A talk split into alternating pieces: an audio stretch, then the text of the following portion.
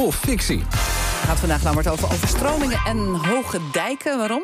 In de Provinciale Zeeuwse Krant staat een opvallend interview met Twan Poppelaars, dijkgraaf van waterschap Scheldestromen. De krant vraagt hem hoe veilig Zeeland is. En dan zegt hij dat hij, als hij het simpel uit moet leggen, eh, Zeeland ten opzichte van 1953 nu 250 keer zo veilig is. Dat is opvallend. Juist ook omdat je hoort nu veel dat door klimaatverandering de zeespiegel stijgt. Ja, inderdaad. Nou, ik maakte me ineens veel minder zorgen. Maar is dat terecht? Zijn we gaan checken? We belden eerst met dijkgraaf Poppelaars zelf. Want ja, hoe en met welke rekensom komt hij tot deze vergelijking? Let even goed op, want het is best ingewikkeld. Storm van 1953, die komt uh, eens in de 150 à 250 jaar voor. En als ik uh, de waterveiligheidsnorm die gold tot 2017, uh, dat was 1 op 4000. Dus dat wil zeggen dat je de, de kans hebt eens in de 4000 jaar dat er iemand uh, verdrinkt als gevolg van een dijkdoorbraak. Als ik die norm projecteer op 1953 en dat gerelateerd aan die 100 à 250 jaar, dan kom ik op 160 tot 260 keer zo veilig uit uh, als in 1953. Ja, simpel. En hij rondt het naar boven af, ja. omdat er los ook van die dijken veel innovaties zijn, waardoor Zeeland veiliger is geworden.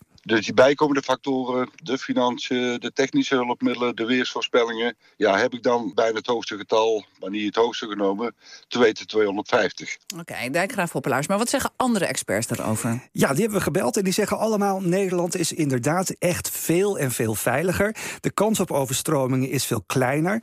Mark Klein-Breteler is projectleider waterkeringen bij kennisinstituut Deltaris. En we legden hem die 250 keer voor.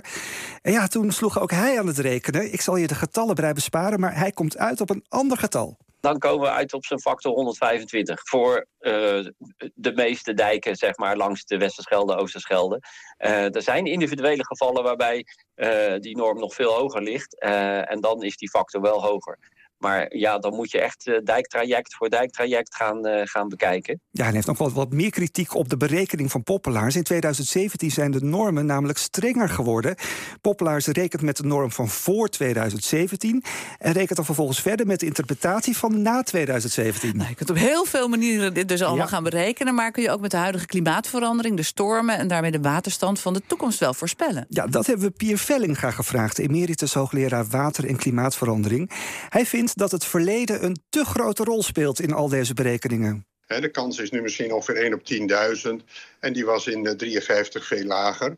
Maar de statistiek van het verleden is, is geen goede maat meer voor de toekomst. De oceaan is een flink stuk warmer. En er kunnen dus ook andere stormpatronen optreden. En daar wordt in die uh, uitspraak van de dijkgraaf geen rekening mee gehouden.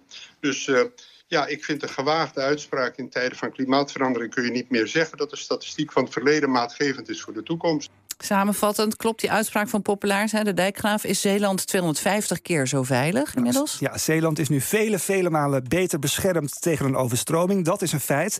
Maar of we nou 125 of 250 keer beter beschermd zijn dan in 1953... ja, daarover moeten de experts hun rekenmachines nog maar eens een keer naast elkaar leggen. Want daar komen we nu niet uit. Oké. Okay.